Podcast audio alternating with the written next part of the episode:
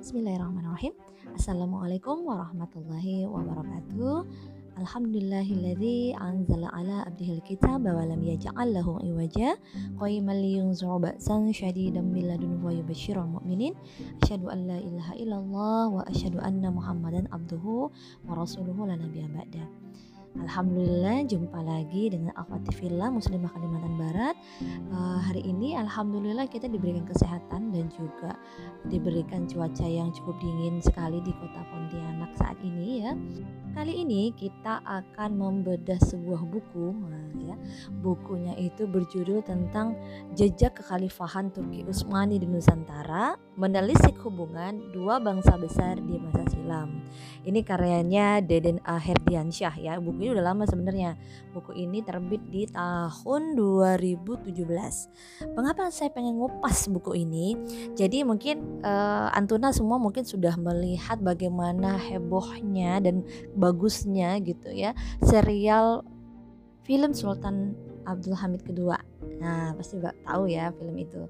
Nah, film itu banyak serialnya dan kita melihat bagaimana sejarah itu diangkat dia dalam film itu begitu kita jadi bisa menjuai ya bagaimana seorang pemimpin, seorang khalifah yang dia itu mesti mengatur gitu ya kehidupan ini gitu ya sesuai dengan syariat Islam dan bahkan memimpin wilayah yang cukup luas gitu hingga pengaruhnya pun hingga sampai ke Nusantara. Dan tahun ini kita juga dihebohkan dengan film uh, dokumenter ya ini jejak khilafah di Nusantara yang penontonnya sampai 250 ribu ya dan walaupun nontonnya cuma lewat daring dan, dan itu terlihat ya dari pembelian tiket yang cukup banyak dan bahkan dibincangkan dalam trending topik berapa kali itu sering banget ya dan ini hari ini mengapa saya ingin uh, mengupasnya kembali karena ternyata ada buku ya yang menjadi panduan dalam pembuatan film tersebut Nah, jadi buku ini uh, adalah menceritakan tentang potret lah hubungan antara dua bangsa besar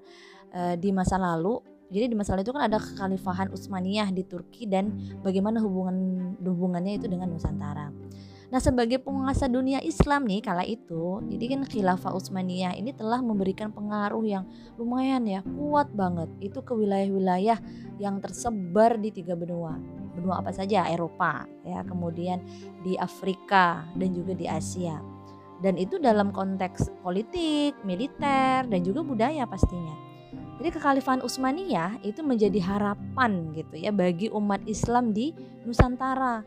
Kala harus berhadapan dengan kekuatan-kekuatan imperialis Eropa misalkan kayak Portugis gitu ya yang menghalangi eh, rute perjalanan haji orang-orang di Nusantara hingga ketika misalkan Belanda juga ya memberikan tekanan gitu kepada penduduk Aceh, Jawa dan seluruh Nusantara itu mendapatkan respon positif gitu ya untuk dibantu oleh kekhalifahan Utsmaniyah.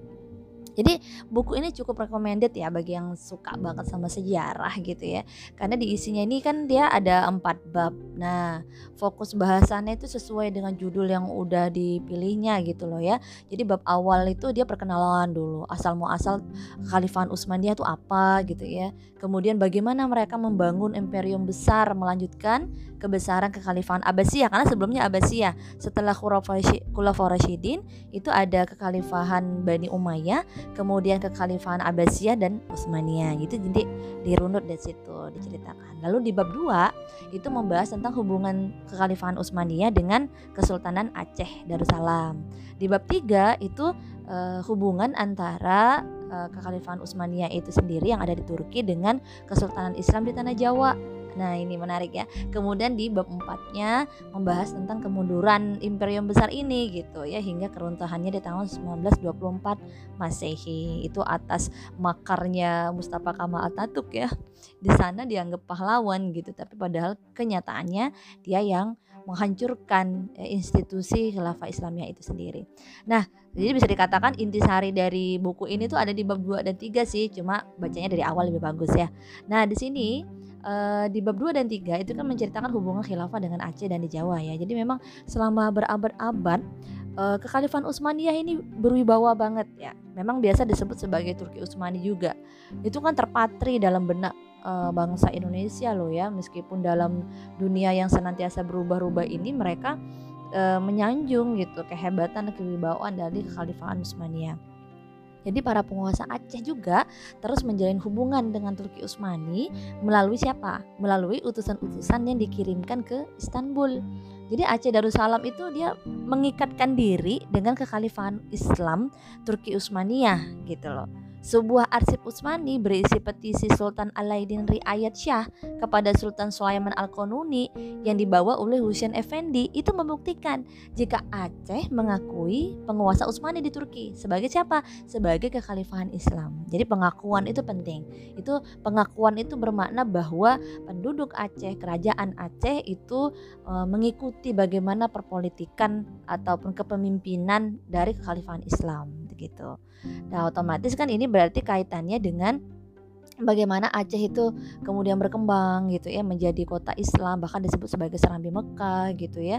Dan juga menyebarkan Islam bukan hanya di Pulau Sumatera tapi juga hingga Pulau Jawa dan seterusnya. Ada kaitannya gitu ya ada misi dakwah yang dilakukan karena kalau misalnya kita pelajari memang politik luar negeri dari kekhalifahan Islamnya itu dua politik luar negeri yang pertama banget itu adalah dakwah yang kedua baru jihad ketika memang harus menghadapi kekuatan fisik baru gitu ya ada jihad ya penguasaan pembebasan gitu ya baru dilakukan atau kita kenal dengan futuhat gitu ya.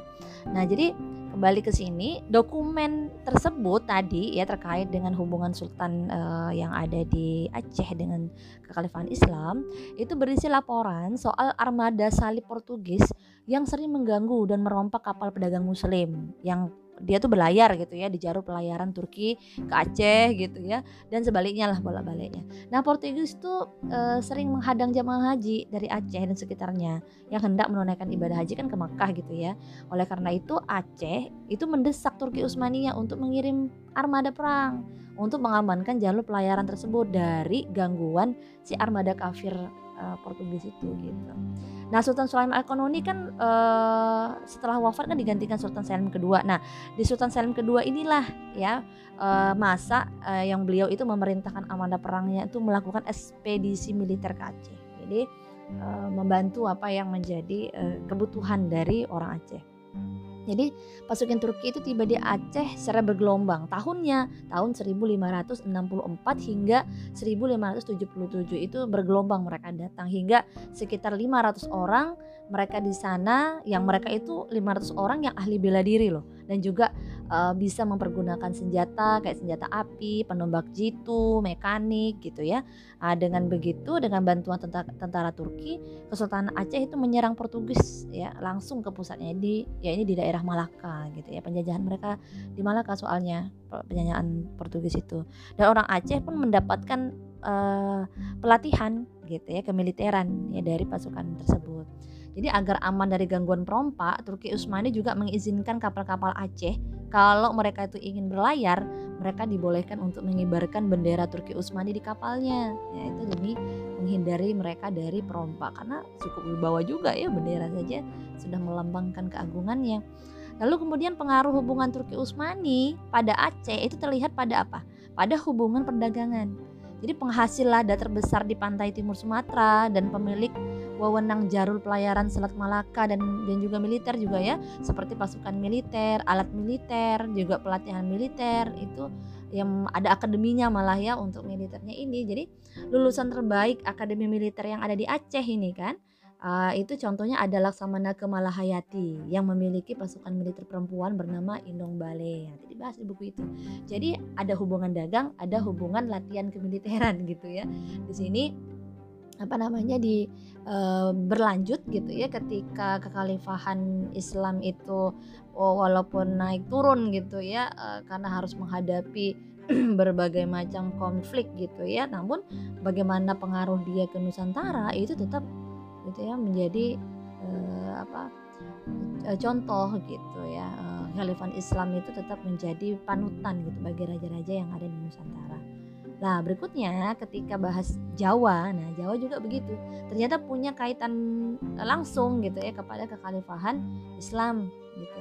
Nah, jadi Turki Utsmani itu kan tampil dalam citra keagungan yang dikagumi oleh para penguasa sehingga pengaruhnya merasuk ke dalam karya-karya sastra, politik simbolnya raja, semangat perjuangan pasukan di Penogoro misalkan ya, mana nih yang udah baca buku uh, apa Janisari terakhir nih.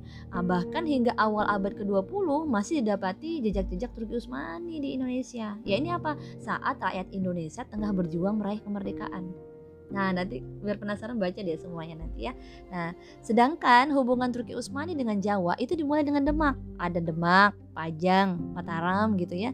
Nah, ulama juga itu sengaja didatangkan ya ke Jawa untuk membantu syiar agama Islam di tanah Jawa. Lewat siapa? Lewat Wali Songo. Nah, Wali Songo ini merupakan dewan penasihat kesultanan di tanah Jawa. Kemudian pemberian gelar bagi para sultan, semisal kayak Sultan Demak ketika eh Sultan Demak ketiga maksud saya. Sultan Trenggono adalah Sultan Ahmad Abdul Arifin. Sedang Sultan Agung bergelar Sultan Abdullah Muhammad Maulana Mataram ya. Kemudian Sultan Banten bergelar Abdul Mufakir Mahmud Abdul Qadir. Sementara untuk bidang militernya pengaruh Utsmani terlihat di Perang Jawa. Jadi kesatuan-kesatuan militer pasukan di Penogoro menggunakan nama-nama Janisari ya kan pasukan militer Turki Utsmani ya seperti itu kalau di di Turki Utsmani kan ada Bulkio, Borjo Mu'ah, Turkio gitu ya kayak gitu. Nama pemimpin pasukannya tuh Ali Basah. Nah, pasukan uh, ini ya, komandan divisi infanterinya, kavalerinya gitu.